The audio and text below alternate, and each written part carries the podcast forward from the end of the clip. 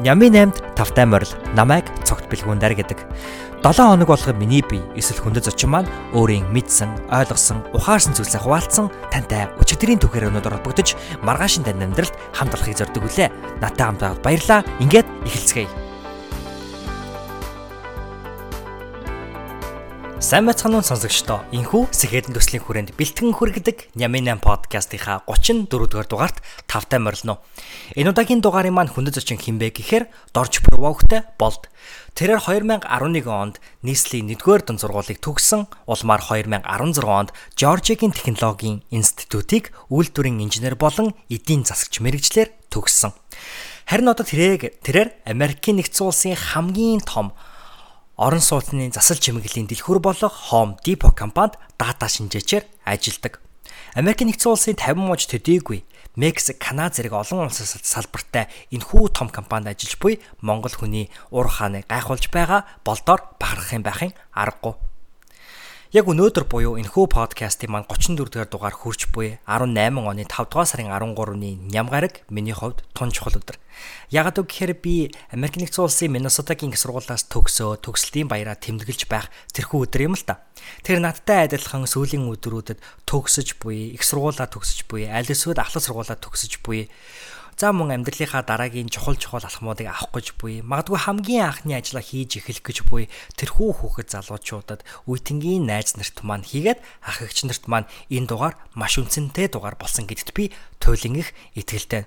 Их сургуулийн болон ахлах сургуулаа төгсөж буй. Эдгээр хүүхэд залуучуудаа өгөх зөвлөгөө.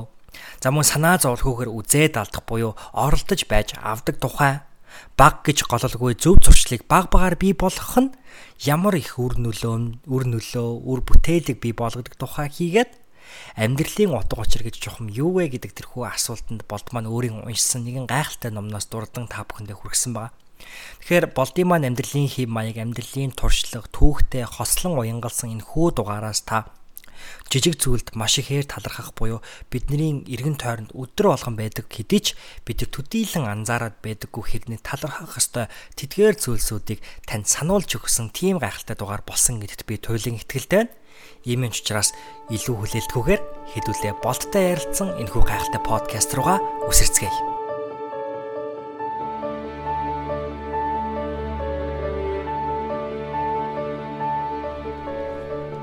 За болдоо миний урилгыг хүлээж авсан маш их баярлалаа. Тэгээ юуны өмнө сонсогч нартай бас өөрийгөө танилцуулаач ээ гэж хүсэж байна. За аа өөрөөхөө талаар товч танилцуулбал 10 жилээ болохоор Улаанбаатар хотод 1-р дунд сургуулийг төгсөөд тэгээ тэрний дараа Америк нэгдсэн улсад Жоржиагийн технологийн институтэд үйлдвэрийн инженер, эдийн засагч мэрэгчлэр төгсөөд одоо болохоор энэ Атланта гэдэг хотод дата шинжээчээр одоо бараг 2 жил болох гэж ажиллаад.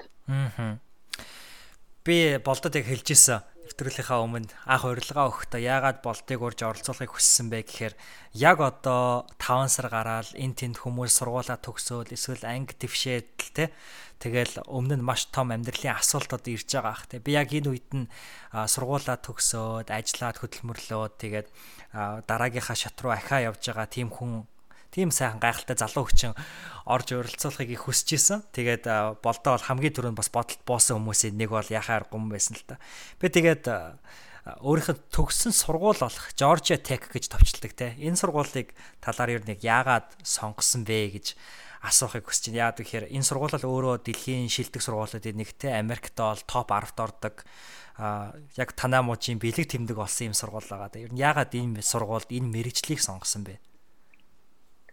За а ягаад үйлдвэрийн инженер мэрэгчлийг сонгосон бэ гэх юм бол нэг бодлын жоохон хөгжилтэй ч гэх юм уу. Эхлээд би ер нь яг өөрөө энэ мэрэгжил яг юу хийдэг талаар жоохон буруу ойлголттой байсан гэх юм уу. Анх ингээд 10 жилд нөгөө нэг бид нэр их сургуулиудад гадагшаа өргөдөл явуулаад мэрэгжлээ ер нь яг альбиасаар сонгох албагүй ч гэсэндээ ингээд ямар нэгэн мэрэгжил бичих ч юм уу яг хуу сонгохгүй байсан ч болох ч гэсэндээ бичдэг дээ. Тэгэнгүүт би болохоор ингээд тодорхойлтуудыг нь уншаад ерөнхийдөө тухайн үед ингээл Монголд үйлдвэрлэл аягүй хэрэгтэй гэж дотроо бодож явдаг байсан болохоор ерөнхийдөө үйлдвэрлэлийн инженерийг ягаад ч нэг үйлдвэрлэлийн тоног төхөөрөмж одоо механик тал руугаа инженер юм болов уу гэж бодоод би өөрөө 10 жилдээ болохоор ерөнхийдөө байгалийн шинжилгээ ухаан ялангуяа физикийн хичээлийг арай илүү гүнзгийрүүлж судлаад олимпиад уралдаан тэмцээнд ордог байсан. Тийм болохоор ер нь бол бараг л инженер болондоо гэж дотроо бодчихсон байсан. Тэгэхээр ерөнхийдөө инженерүүд дотроо үйлдвэрийн инженерийг сонгоод Монголд ирээдүйд илүү хэрэгтэй болгосон хүчин болох юм болов уу гэж бодоод сонгосон чинь ерөнхийдөө яг тийм механик тоног төхөөрөмж тал руугаа бол биш байсан. А гэлээ гэхдээ яг үндсэн одоо мэрэгжлийнх нь концепц нь ерөнхийдөө бол үйлдвэрийг яаж хамгийн их үр өгөөжтэй ажиллуулах вэ гэдэг талаар боддог инженерүүд байдаг. Тэгээд тэр нэг таалагдсан болохоор үргэлжлүүлээд сонгоод явсан. Тэгээд хамгийн анх бол би яг Georgia Tech эхлэв л дээ. Би хамгийн Penn State гэдэг Pennsylvania мужийн их сургуульд анх нэгдүгээр курст орж исэн. Тэгээд Penn State-д 2 жил сураад Penn State нь болохоор Pennsylvania мужийн яг тийм оюутны хотхон яг жижиг хотхонд байдаг. Нэг 40 50 мянган хүн амтай жижиг хотод. Тэгээд яг Улаанбаатараас ингээд дүнгиж Улаанбаатарт насаараа амьдарч байгаа ерөнхийдөө манай хот ч айгу одоо 50 мянган хүн амтай хоттой харьцуулбал бүр харцангуй том метрополис хот. Тэгээд яг тийм хотоос ингээд өөр орчинд ирэнгүүт ингээд ерөнхийдөө би өөрөө яг за би яг хотын хүн юм байна да. Том хот руу шилжмээр ч юм шиг санагдчихсэн нэгдүгээр нэгдүгээр шалтгаануудын нэг нь. Тэгээд бас нөгөө талаар үйлдвэрийн инженер гэдэг нэгэн тал би Америкийн нэгдсэн улсад сурж байгаа. Тэгээд нэгэн тал ийм их мөнгөөр сурж байгаа болохоор ерөнхийдөө тэтгэлэгтэй сурсан ч гэсэндээ нэгэн тал ерөнхийдөө одоо оюутан хүнд хүн оюутны нас гэдэг чинь хүнд өвдөөсөө нэг л олдох болохоор ингээд хамгийн сайн сургуульд нь суралцъя гэж ерөнхийдөө амар хүсэж исэн. Тэгээд Georgia Georgia Tech болохоор яг үйлдвэрлэлийн инженер гэдэг чиглэлээр Америк болон ер нь дэлхийд сүүлийн 20 хэдэн жил дандаа яг энэ салбартаа тэргүүлдэг сургууль. Тэгээд өөр шалтгаан одоо сургуулаасаа гадна сургуулийнхын байршлнаас их таалагдсан болохоор ерөнхийдөө за би яг ингээд Penn State-ээс шилжээд одоо Америкт хийрч удаан байгаа л ер нь угаасаа насаар байхгүй Монголдо буцахаас хойш Америк нэгдсэн улсын өөр өөр газруудад бас амьдарч үзвэл сонирхолтой юм болов уу гэж олон талын үндсэн дээр ерөнхийдөө Жоржиагийн их сургууль руу шилжиж ирсэн. Тэгээд Жоржиагийн технологийн институт буюу Georgia Tech нь яг л инженер технологийн салбартаа бол Америкт тэргүүлэгч сургуулиудын нэг энэ инженерийнхаа чиглэлээр маш олон инженеруудыг бэлтгэж Америкийн нэгдсэн улс болон дэлхийн том компаниудад ер нь манай сургуулийн төгсөгч аягүй их ажилтдаг байгаа. Аа. Хэдичэд хоёрын мэрэгжил их ондооч гэсэндээ одоо салбар нь ондооч гэсэндээ чиний яг өөрийгөө танилцуулж байгаа, сургуулаа танилцуулж байгаа энэ түүхийг сонсохоор надтай маш төстэй санагдаж байна л да. Яг тэгэхээр би бас яг хамгийн анх жижиг хотод ирж исэн. Манай хот чинь 100 мянган хүн амтай. А яг коллеж таун Тэгээд тэнцээ ингээд 2 жил сурж байгаа. Тэгээд яг одоо амьдарч байгаа Миннеаполис хот руу ирж исэн. Миннеаполис хот өөрөө бас 4 сая хүн амтай төвлөрөх 3 сая орчим сая гаруй хүн уучлаарай. Муучин 4 сая хүн амтай. Сая гаруй хүн яг энэ хаваараа төвлөрсөн метрополис. Тэгээд би яг чамтай адилхан ингээд том хотод очихыг маш их хүсэж исэн. Тэгээд тэр талаараа чамтай их адилхан санагдчихэв. А бас нөгөө талаараа байна штэ. Би хамгийн анх хоёлаа над хэлэх үг байна 5 гээд тэмцээнд 2015 онд танилцчихсэн те. Тэгээ би яг тэр үед би нэвтрүүлгийн өмнө хоёул ярьжсэн. Би чамааг тэр тэмцээнд ялсан гэж бододсон. Ягаад тэгэхээр чиний илтгэл тэнд тавигдсан илтгэлүүдээс хамгийн миний сэтгэлд тод үлдсэн, тод буусан, маш сэтгэл хөдлөгсөн илтгэл байсан л да. Яагаад гэхээр чи зүгээр судалгаа шинжилгээн дээр биш өөрийнхөө маш гайхалтай түүх дээр тэрхүү илтгэлийг бичсэн шиг санагдсан. Яагаад гэхээр чи яг өөрөө энэ ихтгэл бол өөрөө Монголын ахан дүүсийн эв найрамдлын ихтгэлээсэн гэж хэлэх юм уу? Өөр Монгол руу тий өөр Монголд очиод тэр нэг одоо өөрийнхөө түүхийг хуваалцсан тий.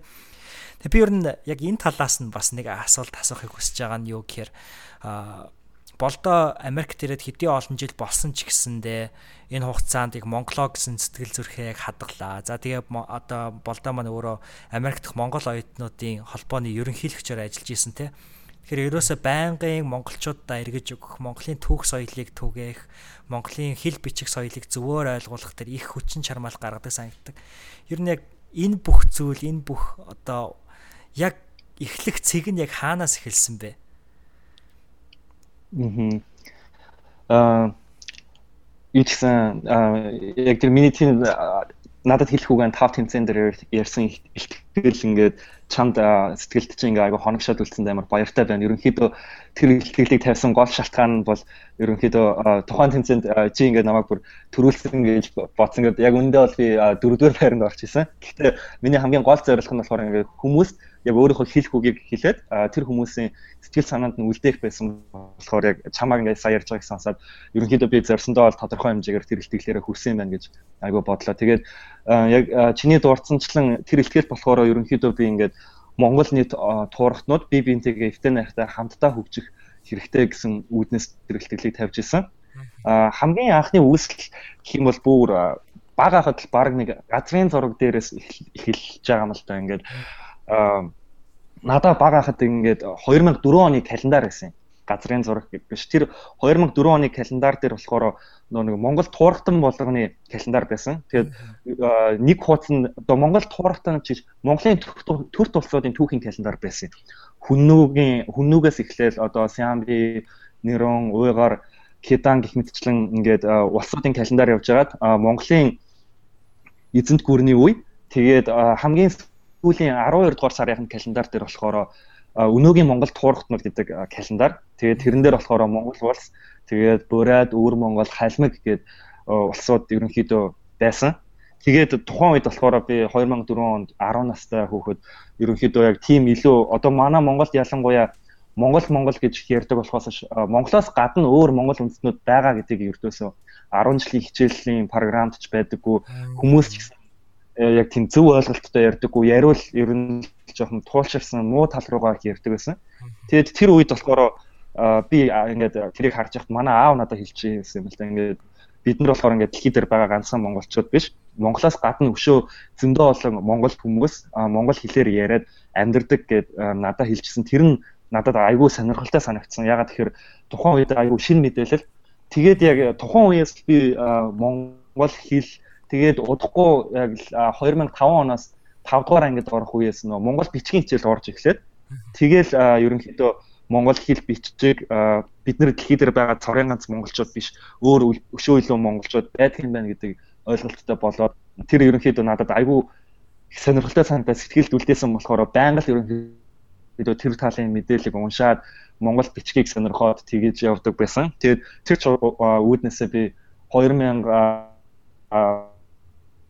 Монгол бичиг яагаад бид Монгол бичгээ хадгалж үлдэх ёстой юм бэ гэдэг сэдвээр ихтгэл тавьж исэн. Аа тэгээд тэрнийхээ дараа жил бид нар яагаад бусад Монгол ахын дүүстэйгээ илүү эвтэй найртай байх ёстой юм бэ гэдэг илтгэлийг тавьж исэн. Тэгээд айл ал илтгэлийг ингээд ганц ганц өгүүлбэрээр зангидаад хэлэх юм бол гол санаа нь Монгол бичиг нь болохоор ингээд бидний монгол хэлний түүхийг хадгалсан байгаа. Тэрүүгээр маш гайхалтай. Ягаад тэгэхээр хичнээн ингээд хэцүү түүхтэй юм шиг санагддаг боловч яг үндсэндээ бараг л кирилл бичгээс илүү амархан. Хамгийн гол нь монгол хэлний маань түүхийг хадгалдаг. Ингээд амьд түүхийг нь хадгалаад явж байгаагаараа илүү гайхалтай. А нөгөө талаас би яагаад бүх олон монголчууд эвтэй найртай байх хэрэгтэй вэ гэх юм бол угаасаа монгол үгэнд мэнч байдаг штеп бүгдээрээ хилэлцвэл буруугүй юм уу аль эсвэл алангуайхын домог гэл хизэнээс үеийн үед монголчууд эвтэй найртай байхдаа илүү хүчтэй байж ирсэн. Тэгээд тэнд илүү олон Монголынхаа төлөө гэсэн хүмүүс байхад яагаад бид нар тэр хүмүүстэй хамтдаа хөгжихгүй ингээд би бинийгээ ялгуурлан гадуурхаад хоорондоо ингээд муу муухай үгээр хилцээд байгаа юм байна. Хамтдаа явбал илүү аль аль нь илүү сайхан амьдраад өшөө илүү Монгол улсаа хөгжүүлэх боломжтой юм шүү гэдэг санаагаар л ерөнхийдөө айл аль илтгэлийг тавьж ирсэн байгаа. Аа маш гайхалтай. Мэдээж яг тэрхүү зүйлүүд бол надад маш тод үлдчихсэн. Би тэг яг чамтай ярихаас өмнө жоохон чамаг мөрдөөд гэх юм уу Google-ээр чиний нэр мэрийг хайж байгаад. Тэг хүмүүс ч гэсэндээ яг чиний илтгэлүүдийг бас тэгэж онцолж бичсэн, комент үлдээсэн байсан. Болдын ярьсан илтгэл бол үнэхээр чухал илтгэл байлаа гэх мэтчлэн. Энийг бол яхаа аргагүй дуртах хэрэгтэй надад санагдсан. За тэгээ эцэст нь хоёлаа 8 асуулт руу орохоос би цорын гац нэг асуултаа нэхэндээ тавих. Энэ юу гэхээр тухайн тэмцээн дээр би болдыг бас юугаар нэг сайн санддаг гэхээр бид нар нэг богино хэмжээний марафон хийгээ те гүйлтэй тэмцээн хийжсэн те. Тийм бол тэр тэмцээнд ялж исэн те. Би одоо энэ дээр бол зүг санаж байгаа зү те. Тий. Би тэгээд болдыг ер нь цаашаа ингээ фэйсбүүкээр харж явах ч гэсэндээ айгүй их байгальд аялах дуртай ер нь их тийм адал явдал чим шиг те их гүүж спортоор хичээлдээ санагдсан. Ер нь яг ойрын өдрүүдэд ер нь энэ спортоор гүйлтийн спортоор тогтмол хичээлдэг үү? Аха. Айгүй сайн ажигласан байна шүү дээ. Эсвэл би бас өөрийнхөө өөрийгөө илэрхийлэх талаар илэрхийлэхийг хүссэн талаараа илэрхийлсэн ч гэж магадгүй Facebook. Гэхдээ ерөнхийдөө тийм би айгүй аялах сонирхолтой. Тэгээд дээрэс нь гүүх бол ерөнхийдөө сонирхолтой. Бага бага ахын л ерөнхийдөө сургуулийнхаа спорткат энтерт нөө 1 км-ийн гүйлт энтерт гүйдэг байсан. Одоо ч гэсэн ерөнхийдөө тогтмол гүйсээр л байгаа ингээд нөө хотуудад жижиг тэмцээнүүд болдог шүү дээ. Үе үе 5 км-ийн 5k гээд тэрэнд ерөнхийдөө нэг 2 3 сардаа бол нэг заавал хөдөө. Тэгээд гэрийнхаа хаваар бол ерөнхийдөө л 7 хоногт 2 удаа ч юм уу гүүхийг ирмэлцдэг. Тэгээд өөрөө үед ч гэсэн ерөнхийдөө одоо удахгүй Америкийн нэгдсэн улсын нөгөө нэг Independence Day-ээр нь манай хотод яг хотын төв замаа хаагаад 10 км-ийн гүйлцэх одоо тэрэнд оролцоход бүртгүүлсэн байгаа. Одоо тэгэл тэрэнд ерөнхийдөө анх удаа гүйж үзэж байгаа Атланта 4 жил болчихоо. Тэгээд ерөнхийдөө гүүх айгу гоё яагаад гэхээр ингээд ялангуяа би тийм нөгөө нэг хотын болон байгалийн гүйлтэд дуртай. Хотын гүйлтэд гүөхөр ингээд зөвхөн биднэрт зориулаад тэр нэг өдөр ингээд замыг хаацсан. Яг тэр үед ингээд хотын тэр бол байнгын л завгүй байдаг машин зам дахиж ингээд гүүж юу энгийн үед гүйж чадахгүй замаараа ингээд айгүй олон хүмүүсийн дунд гүүхээр айгүй тийм их хүчийг авдаг. Тэгээд ер нь бол яг тийм гүүх айгүй сонирхолтой. Бас аялах сонирхолтой тийм. За би эдгээр асуултуудыг асуусан бас шалтгаан нь юу гэхээр ер нь болд одоо англи хэлээр байдаг штэ well rounded man гэдэг гэдэг штэ ингээ айгу сайн бөөрн хэлцэн гэдэг юм уу тал бүрийн их даваадлуудтай гэдэг юм уу. Тэгэж монголоор юу гэдэг юу гэдэг лээ нөө аа Эр юу гэдэг бол? Окей яг яг бүр энэ дээр гацлаа юу ч амар нөгөө нэг За за хилчүүл яг өөрийгөө максим шиг болчихлоо болох юм байлаа. Амар үг санаа нөрчлөө. Гэтэ ер нь тий яг тэр үгийг чинь би ер нь л чамаг гэж боддог. Ягаад тэгэхээр ажил дүрлийн үйлдвэрлэлийн инженер мэрэгчлэр сурдаг. Тэгсэн хэрнээ маш олон одоо сонгуульд ажлууд тийм ээ өөрөөр хэлбэл амсаа буюу Америк дэх Монгол оюутнууд холбооны ерөнхийлөгч байсан. Тэгээд маш олон гайхалтай илтгэлүүдийг их орон Монгол туурахтны төлөө зориулж тавьдаг. Тэгээд маш амьдралын маш гайхалтай итгэвтэй хэм маягтай гэдэг ийм хүний 7 хоногоос суралцах гэж байгаадаа маш их баяртай. Тэгээд хоёул эхний асуулт руу орох уу? За тэгээ. За. За эхний асуулт бол бид бүхэн энэ 7 хоног тохиолдсон хамгийн талархам ер нь үйл явдал юу вэ? Дурсамжтай сайхан үйл явдал юу байна вэ? Байсан бэ гэж асуудаг байгаа. Аа яг энэ асуултыг ингээд бодож явах надаа ингээд энэ ерөнхийдөө нэлээд тийм хэцүү асуулт юм шиг санагдсан. Ер нь бол хэцүү байх ёсгүй. Тэгсэн хэрнээ айгүй хэцүү асуулт юм шиг санагдсан. Ягаад гэхээр бид нар ингээд ерөнхийдөө алхам тутамдаа ингээд хүмүүст айгүй талархаж явах хэрэгтэй гэж боддог. Ягаад гэхээр юу гэдэг юм одоо жишээ нь чамд ингээд найз чинь ямар нэгэн жижигхэн юм дээр тусалсан ч гэсэндэ ерөнхийдөө тэр хүнд өөр хийх ажил байсан л гэж таараа. Тэрнээсээ чамааг илүүд тавиад тусалж байгаа болохоор хичнээн жижигхэн зүйл байсан ч гэсэндэ айгүй талархаж явах хэрэгтэй. Ягаад гэхээр яг тэр хүн бол заавал туслах алавтай биш байхад сэтгэл зүрхээрээ чам тусалж байгаа болохоор юу ч байсан айгу талархах хэрэгтэй гэж боддог. Тэгээд яг би энэ асуултыг ингээд уншсан л да.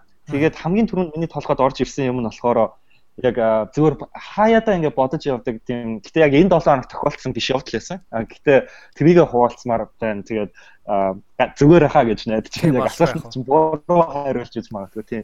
Тэгээ би ерөнхийдөө ингээд айгүй тийм жижиг юмнуудыг э, хаяада ингээд айгүй ажиглаад харчихсан байдаг. Тэгээд ингээд хаяада жижиг зүйлсүүд айгүй талархах хэрэгтэй шиг. Тэгээд миний өөр ингээ өдөр тутмын талархаж явдаг юм юм бол би өөрөө хараа муутай. Аа. Тэгээд э, нөө нэг э, нүдний шил зүүдэг. Гэхдээ ингээд яг Google-ээр нүдний шилдэг гүөх айгүй хэцүү байдаг. Нөө хөлс урсангууд ингээд шил дагаж урсаад унахгаад. Харин тэгэнгүүт яг ингээд нөө нүдний контакт линз хийхээр бүр айгүй амар.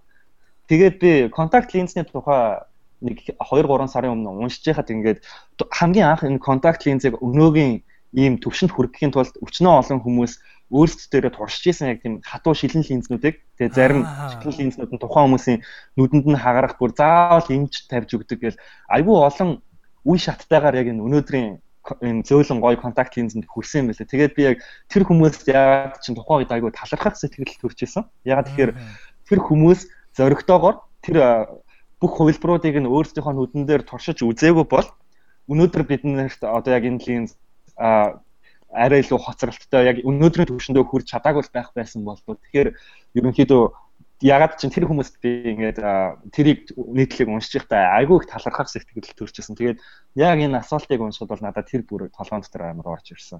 Аа. Ямарсаа Би бүр өнөөдөр хамгийн анх удаа амьдралтаа дийнс зөөж үзэж байгаа шүү дээ. Яг өнөөдөр. Оо тийм үү. Айгуу сайн. Яг тохиолдсон. Харин тий. Яа, конститент. Тэгээд юу ч гэсэн харин яг айгуу амар байгаа зү. Би ингээд ихэндээ зөөхөд амар хэцүү байсан. Би ерөөсө зөөж чаддаггүй. Бараг толны өмнө 5 минут 5 минут бараг зөксөн яа. Би бараг 20 20 30 минут болчихсон. Анх хэдэн жилийн зөөхөд бол. Ааха. Тэгээ яванда Тэгэл 5 секундын ажиллалтай юм даа. Тийм. Би айгүй эвгүйс. Тэг яг ингээд зүүсний дараа ингээд гинт нүд ингээ амар сонио хорсоод тэгээд ингээ бүрлцээж байгаа юм шиг тэгээ нулимс гараад тэгээ гяс уншиж байгаа аахгүй тэгсэн чинь бас хамгийн анх зүүж байгаа учраас тийм байдаг гэд. Тэгээд би сая яг воркаут хийчээ чамтай ярахаасаа би яг цагийн өмнө биеийн тавирын дасгал хийчээд найз хүнтэйгээ тэгээд би яг гэртээ орж ирчээ тэгээ нэг үтсэн чинь одоо гинт зүснээ хүртэл мартцсан тэгээ чамааг яг ярьсан чинь бүр ингээ амар талархах сэтгэл төрлөө. Сонин тохиолдол байна. Тий яг гинттэй байхаар ингээл хамаг юм амар тэгээ зөөр л өөрөө бүр сайн хараад байгаа юм шиг санагдаж. Тэнгүүт би яг тэр линзийг зохион бүтээсэн аа биен дээр турчижсэн хүмүүст юу гэсэн. Зөндөө олон талархмаар зүйл байгаа л та. Хүмүүс гэхдээ яг яг энийг онцолж ярихмаар санагдсан. Яг энэ асуултыг унших та. Тийм байна. Аа Ста гоё хариултаа. Маш сонирхолтой. Би тэгээ энэ дээр чамаг ярьсан чинь нэг ийм зүйл санагдлаа бас. Бид нэр хүн төрөлхтөн зарим зүйлийг маш одоо хожуу зохион бүтээх нэг юм юутай байдаг гинэ. Би тэгээд инженер хүнтэй ярьж байгаа учраас энийг асуух амар хэрэгтэй санагдаад байна. Яагаад гэвэл анх ингээд чимдан гэдэг зүйл одоо хэдэн мянган жилийн өмнө үүссэн юм те. За нэг одоо мянган жилийн өмнө үүссэн байлаа гэж те. Нэг юм сав цүн хуцааг аваад явчихдаг сав юмнуудаа хийждэг сав гэдэг үүслээ. Тэгээ дугуй гэдэг зүйл өөрөө маш олон жилийн өмнө бас үүссэн.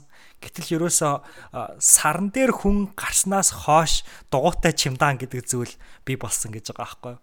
Тэгэхээр хүн төрлөختөө ерөөсөө ингээд юмд ингээд байгаад байхад тэр зүйлийг ингээд тоохгүй ингээд яваа л идэг. Гэтэл ингээд маш энгийн хүн төрлөختний амьдралыг оронгоор нь өөрчилж болох бүтээлүүд гинт гинт ингээ гараад ирдэг те хаанаас ч юм гэтэл өнөөдөр бид бас ерөөсө бодоогүй мөртлөө маш энгийн бий болоогүй зүйлүүд ч гэсэн байдаг баг. Тэг инженер хүний хувьд яг ингэж заримдаа юмыг хитрхи ингээд комплекс буюу хитрхи төвхтэй бишээр ингэж бодох тийм ээ ер нь их чухал уу? Эсвэл эсэргээрээ инженер хүн гэхээр маш юмыг нарийн бодох хэвээр ер нь энэ дээр ер нь юу гэж боддог вэ?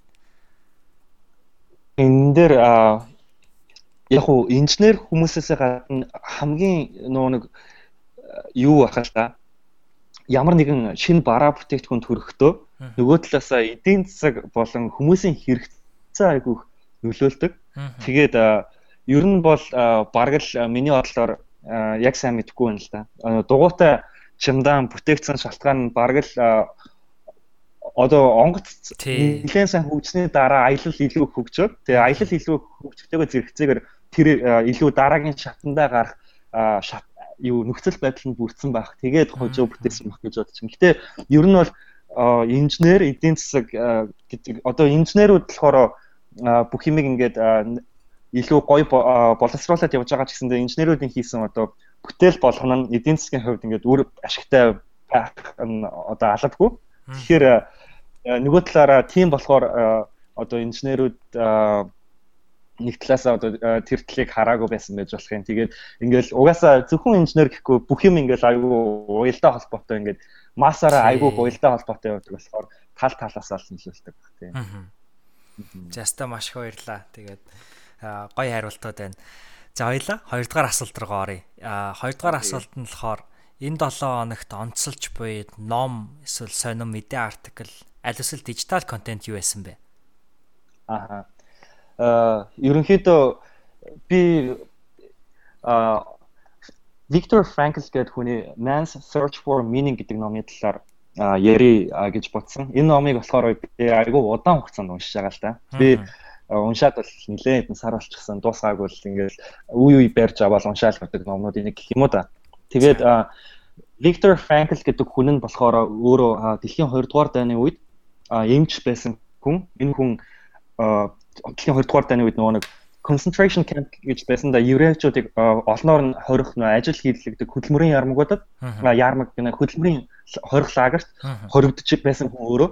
Тэгээд тэр үеийнхаа туршлага дээр тулгуурлаад амьдралын утга учир гэдэг зүйлийн талаар ерөнхийдөө бичсэн ном. Тэгээ энэ хүн болохоор өөрөө иймч хүн байж байгаад явандаа болохоор сэтгэл судлаач бас хүн болсон. Тэгээд энэ хүний бүр өөрийнх нь гаргасан logotherapy гэдэг тийм сэтгэл зүйн шинжлэх ухааны одоо тийм сэтгэл зүйн арга ухаан нэг арга замнал гэдэг. Тэгээд энэ хүний энэ номон дээр бичсэн нэг өгүүлбэр нь ерөнхийдөө надад бүр айгүй их таалагдсан л да. Тэр нь болохоор юу гэсэн өгүүлбэр байсан бэ гэх юм бол one who has a why to live for can bear almost anyhow. Өөрөөр хэлэх юм бол амьдралдаа ямар нэгэн зүйлийн төлөө ингээд тэмүүлээд яагаад амьдарч байгаа вэ гэдгийг ингээд ойлгосон хүн ямар ч саад шалгуурыг даван гарч чадна гэсэн утгатай энэ өгүүлбэр нь. Тэгээд энэ хүн болохоор хийлсэн байсан ингээ хорих лагеруудад айгүй хүмүүс ирж байгаа. Тэгээд өөрийг нь ингээд анх энэ хүнийг хорих лагерт ирэхэд нь арай өмнө нь ирсэн хэдэн сарын өмнө ирсэн нэг хоригдл хилжилтэй тэр хоригдл болохоор ингээд энэ шинээр дөнгөж ирсэн шинээр ирсэн хүмүүсийн өрөөнд ороод тэр хүмүүсийн ингээд сэтгэл санааг нь засах үг хэлж байхдаа тоглоом шоглоом маягаар энэ эмчийг заагаад ер нь бол энэ хүнээс бусд нь санаад зовох хэрэггүй те. Хамгийн түрүүнд ерөнхийдөө хорих лагерт ингээд Герман одоо яг тэр цоцлын 20 дугаар дайны үеийн хорих лагерын үед болохоор хамгийн ажиллах чадваргүй болсон хүмүүсийг ерөнхийдөө шатаах зүг руу явуулдаг байсан байсан. Тэгээд ажиллах чадвартай байгаа хүмүүсийг л үргэлжлүүлээд ажилуулад ажиллах чадваргүй ядарсан өвчтөй болон хөгшин хүмүүсийг ерөнхийдөө шатаах зуух юм уу одоо нөгөө хийгэр хортуулдаг өрөөнүүд рүү явуулдаг байж л те. Тэгээд энэ хүнийг хараад ерөнхийдөө за энэ л баг хамгийн түрүүнд чад хийх хүн байна да гэд хошигнол хэм цаашаа ер нь бус хүмүүсийн сэтгэл санааг засах үүднээс хэлсэн байгаа. Тэгэнгүүт ерөнхийдөө энэ хүн маань өөрөө ингээд тэр бүх зүйлийг даван тулаад гараад ирсэн. Тэгээд өөрийнх нь ажиглалтаар болохоор хамгийн хүчтэй хүмүүс нь биш, хамгийн ухаантай хүмүүс нь биш, хамгийн яагаад амьдарч байгаа вэ гэдгийг мэддэг. Амьдралд нь утга учир байсан хүмүүс амьд үлдэж чадсан байна. Яагаад тэгэхээр амьдралд нь утга учир, амьдрах хүсэл байсан болохоор тэр хүмүүс одоо хорих тэр лагерын хүнд хэцүүг даван гарч чадсан байна гэд хэлчихсэн. Тэгэнгүүт дараагийн асуух асуулт нь тэгвэл за тэгвэл амьдралын утга учир гэдэг чинь юу юм бэ гэсэн асуулт болчихж байгаа юм л да. Тэгсэн чинь энэ номон дээр бичснээр болохоор ингээд дэлхийн аврах шатарчин хүнээс хамгийн сайн нүүдэл юу вэ гэж асуух юм бол тэр шат арчин тийм нүүдэл байхгүй гэж хэлнэ. Ягаад гэхээр тухайн үеийн тэр үүрэг өмнөх тоглолтоос нь шалтгаалаад ямар ч нүүдэл тухайн үедээ хамгийн сайн нүүдэл байж болно. Тэгэхээр хамгийн сайн гэсэн цор ганц нүүдэл шатарт байдаггүй маа гэж хариулна. Яг тэрэн шиг ингээ хүмүүс амьдралын утга учир юу юм бэ гэдэг тийм хийсвэрээр нь ингээд яг нэг л бүх хүн нэг л утга учирын төлөө амьдрах ёстой юм шиг ингээд бодоод тэр утга учирыг ингээд хайгаад яваад идэг юм л тэ дотроо амьдралын утга учир гэж бодохоор тэгэнгүүт а ердөөсөө тийм бүх хүнд адилхан үйлчлэх нэг л амьдралын утга учир гэдэг юм байхгүй тэгээд амьдралын утга учир гэдэг юмаа ингээд сайн олоогүй хүн болохоор одоо эрх мэдэл мөнгө болон тийм таашаал авах зүйлүүдэд ингээд сатаарч ерөнхийдөө өөрөөгөө зогоодог гэх юм уу да ингээд өдөр хоногоо Тэгээд тийм болохоор эрх мэдэл мөнгө хөрөн одоо хүсэл тачаал тийм зүйлсүүдийг зүйлсүүд ч одоо юу ч биш юм шиг санагдуулж байгаа ямар нэгэн зүйл байвал тэр л ерөнхийдөө чиний амьдралын утга учир гэсэн зүйл. Тэгээд тэр зүйлээ ингээд ойлгосон хүн юу ч даван тулж чадна. Тэгэхээр амьдралаа ингээд амьдралынхаа утга учир яг юуны төлөө амьдарч байгаа гэдгээ тодорхойлж чадаагүй хүн болохоор ерөнхийдөө бусад зүйлсүүдэд сатаарад ингээд амьдралаа хий хоосон үрж магадгүй. А гэхдээ зөвхөн нэг л бүхэнд адилхан үйлчлэх амьдралын утга учир байгаа гэж бас өрөөсөглөөр ойлгоод шаналаад яваад байх хэрэггүй. Тухайн нөхцөл байдалд чинь юу чамааг илүү их хүчтэй болгож чинь тэр зүйлээ бодож олоод тэрнийхээ төлөө хичээгээд явах юм бол ер нь амьдрал илүү утга учиртай тэгээд зоригтой байна гэсэн тийм санаатай бичигдсэн ном байсан. Тэгээд энэ номыг болохоор яг би тэр хамгийн сүүлийн тэр шатарчантай хэсгийг нь яг энэ 7 хоногт уншиж таарсан. Тэгээд тийм болохоор яг шууд энэ бодогдоод энэ ном бодогдсон. Зөв зөв.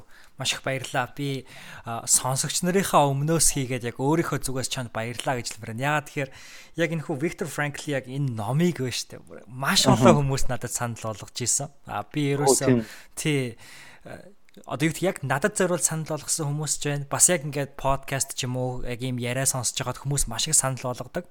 Тэгээ тийм учраас энэ номыг бол заавал унших хэрэгтэй ном байна да гэж би удаан бодож ирсэн учраас би чамд баярлаа гэж байна. Сонсогч нарынхаа өмнөөс яага баярлаа гэж байна. Тэгэхээр чи баг энэ номны хамгийн чухал санааг нь хилээд өгчөж байгаа учраас магадгүй маш олон хүнийг амьдралын утга учир гэж юу юм бол гэж удаан бодох тэрхүү цаг хугацаанаас нь одоо тосолж тийм ээ цаг хугацааг чөлөөлж өгч байгаа юм болоо гэж бодож байна. Яа тэгэхээр би энэ номыг маш олон хүмүүс, маш олон гайхалтай хүмүүс санал болгодог учраас энэ ном бол үнэхээр энэ номноос одоо чиний яг бидэнд өгж байгаа энэ чим хэрдэн бол маш чухал гэж бодож байна.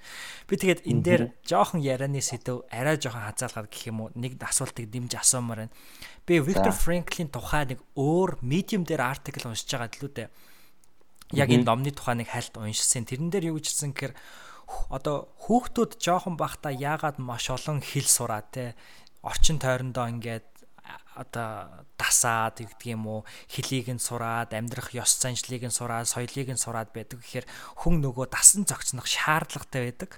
Гэтэл нөгөө хүн хөгшөрхөөрөө тэр нэгэнт дасан зохицсон а тэгээд зарим зүйлд ингээ хитрхи дасал болсон учраас ингээ өөрийгөө дахин дахин шин зүйлүүдэд нээж өгдөггүй гэх тээ. Тэрнээс олж хүмүүс маш их одоо одоо шин зүйлийг туршаад үзчих юм бол яана энэ намайг одоо муу зүйл рүү оруулах юм болов гэж маш их санаа зовдөг. Тийм учраас санаа маш их зовдөг учраас шин зүйл хийхээр одоо шин алхмуудыг хийдэггүй те үзээд алддаггүй. Үүн дээр чиний бодол ер нь юу вэ? Чи а айгу гоё асуулт энэ. Тэгээ ерөнхийдөө угаасаа яг ингээ миний дотроо ингээ байн бодож явдаг зүйл гэх юм бол ердөөсөө Монгол хэлдэг штэ үзээд үзээд аалт тэгээд тэгээ би тэрийг болохоор арай өөрчилж хэлхийг хүсдэг ингээд. Үзээд бас алдчихвал айгу муухан шиг. Зөвөр үзээд аав гэж хэлдэг санагддаг. Тэгээд ерөөсөө бүх юмыг оролдоод үз. Санаа зовх зүйл байхгүй. Яг наадах чинь болохоор айгу зөв санаа. Ингээд бид нэр ингээд яг чиний саяны хэлсээр ингээд томрох тусмаа бид нэр ингээд алдаа хийхээсээ илүү айдаг болчихдог. Баг байхдаа алдсан ч алдаа хийхээс ер нь жоохон хүмүүс айдаггүй. Тийм болохоор ч ерөнхийдөө илүү олон юмыг туршиж үзээд зөндөө олон юмыг сурч чаддаг. Томрох тусмаа бид нэр ингээд алдаа хийхээс айгаад нөгөө талаар алдчихвал хүмүүс юу гэж бодох болоо гэдэг тийм айгүй хэрэггүй юмд санаа зовоод эхэлдэг. Тэгээд ерөнхийдөө бид нар би ч гэсэн ингээ айгүй тэгдэг ингээ хаяада багшаасаа юм асуух гингүүд намайг буруу айгүй буруу асуулт айгүй энгийн ойлгомжтой асуучихсан бояа юу яана. Одоо хүүхдүүд юугээд босд оюутнууд юугээд бодчих бол ингээд тийм нэг тийм бодлоор орж ирээд ингээд ердөөсө хаалт тавьдаг. Тэгэнгүүт ингээд би би өөртөө айгүй тэгэж хаалт тавь байсан. Тэг ингээд өөр бид нар дотор ингээд айгүй энгийн за ийм юм мэдж байгаа байлгүй дээ гэж бодогдмоор асуултыг ч гэсэн асууж байгаа хүмүүс байдаг. Тэгэнгүүт босод хүмүүс ч гэсэн би ч гэсэн ер нь тэрэнд ач холбогдол өгдөггүй. А энэ хүн л мэдгүй зүйлээ л асууж байна. Тэр хүн л өөртний хэрэгтэй харин ч өөрийнхөө төлөө асууж ин гэж боддог. Тэгсэн чинь тэрийг харчаад би ингээд өөрийнхөө төлөө асуулт асууж байгаа хүнийг хараад би бол өөрөө тэр хүнийг муугаар дүгнэхгүй байна. Хажууд нь сууж байгаа бусд хүмүүс ч гэсэн юу ч хэлэхгүй байна. Тэгэхэд ягаад би ингээд бусд хүмүүс надад хаалт тавиагүй байхад өөрөө өөртөө хаалт тавиад байгаа юм бэ? Гэж бодогдчихсэн. Тэгээд өөр нэг удаа одоо бас яг энэтэй холбоотойгоор ингээд нөгөө нэг өөрөө өөртөө бид нэр айгуу хаалт тавьдаг. Яг их сургуулаа төгсөөд ажил хайж явах үед ялангуяа нөгөө Америкт гадаад оюутнууд ажил хийж байгаа хайж байгаа үед ажил олдоод ерөнхийдөө гадаад оюутан гэдэг утгаараа арай хэцүү байдаг. Ягаад тэгэхээр бид нарыг виз спонсорлох хэрэгтэй. Тэгэнгүүт ингээд бид нар ингээд ер нь бол аюул олон татгалцсан хариу авдаг авдаг л да. Тэгээд тэгж яхад ингээд миний надаа нэг нэг удаагийн workshop-ын дээр одоо тийм ажилд орохоор хүсэж байгаа оюутнуудад зориулсан тийм жижиг хэмжээний хичээл дээр нэг хүний хэлсэн үг айгүй сэтгэлд үлдсэн нь ердөөсөө чамд үгүй гэж хэлэх хүн зөндөө байгаа. Чамайг ажилд авахгүй гэж хэлэх одоо recruiter хүний нөөцийн ажилтнууд ингээд зөндөө байгаа. Тэр хүмүүс чамд үгүй гэж хэлээгүй байхад чи өөртөө үгүй гэж хэлээд тэг хаалт тавих чинь л хамгийн буруу чи тэр хүмүүсээр үгүй гэж хэлүүлвэл хэлвэл өөрөө өөртөө битгий үгүй гэж хэл. Тэгээд тэр хүмүүс үгүй гэж хэлвэл яагаад тэр хүмүүс үгүй гэж хэлж байгаа дээр нь бодоод тунгаагаад өөрийгөө хөгжүүлээд илүү сайн ажил. Тэгэхгүй тэр хүмүүс чамд үгүй гэж бусад хүмүүс чамд үгүй гэж хэлээгүй байхад чи өөрөө өөртөө үгүй гэд хаалт тавьчихвал тэрэн дээрээс чамд сурах ямар ч зүйл байхгүй. Чи юу ч тэндээс олж чадахгүй. Тэгэл эцсийн дүндээ чи шин зүйлд сураагүй, шин зүйлж хожоогүй байгаа байрандаа л үлдэнэ гэд тэр надад айгүй тийм сургамжтай санагдаад тэгээд ердөөсөө л бид нөр өөрөө өөртөө үгүй гэж хэлэх хэрэггүй ямар нэгэн юмд хэрэггүй юмд санаа зовлтгүйгээр бүх юмыг оролдож үзээд алдвал аваад тэгээд авбал аваад ерөнхийдөө авах ихэнхдээ авах гэж найд чинь тэгээд үзээд аваад яваад байх гэж ер нь айгүй боддог. Аа. За баярлалаа маш гоё хариулт байна. Би зөвөр чиний ярьсан юмыг дүгнээд гэдэг юм эсвэл зөвөр өөр дээр юу гэж тусгаж авч ийн гэхээр хүн бид нар ингээ хитрхийх тархин тархиа сонсоод идэм шиг те оюун бодлоо сонсоол одоо юу гэдгийг би ингээд би бас яг над чамтай адилхан ингээд хичээл дээр сууж яхад гид ингээ асуулт асаамаар санагдаа. Тэгээ амар тэнэг асуулт байвал яах вэ гэж бодогдод байхгүй. Гэтэл зарим үе чиний хэлж байгаагаар өөрийнхөө тархийг сонсохоос илүүтэйгээр өөрийнхөө тархинда хилээд те энэ асуултыг өөрийнхөө төлөө асуух хэрэгтэй гэдэг юм уу. Ингэж өөртөө ярьж өөртөө хэлэх нь их чухал яг тэрхүү алхамыг авах тэр одоо яг үеийн юм болов гэж бодогдлоо. Тий. Ерөнхийдөө ердөөсөө л санаа зовх зүйл байхгүй. Хамгийн муугаар бодчихвол нэг хүн чамайг ийм зүйл мэдгүй байхдаа яах вэ гэж бодно л гэж тэглээгээд чи тэр асуултын хариултыг олж байгаагаар бол үр дүн нь тэрэнд байгаа. Яг тий. Маш баярлалаа. За 3 дугаар асуулт руу орох уу? За тэгээ. За 3 дугаар асуулт маань энэ 7 хоногт хийсэн хамгийн сэтгэлийн таашаал кайф авсан зүйл юу байсан бэ? А өчигдөр бид нар ингээд манай ажлынхан бөөнөр Атлантагийнхаа хөл бөмбөгийн тоглолтыг үзсэн.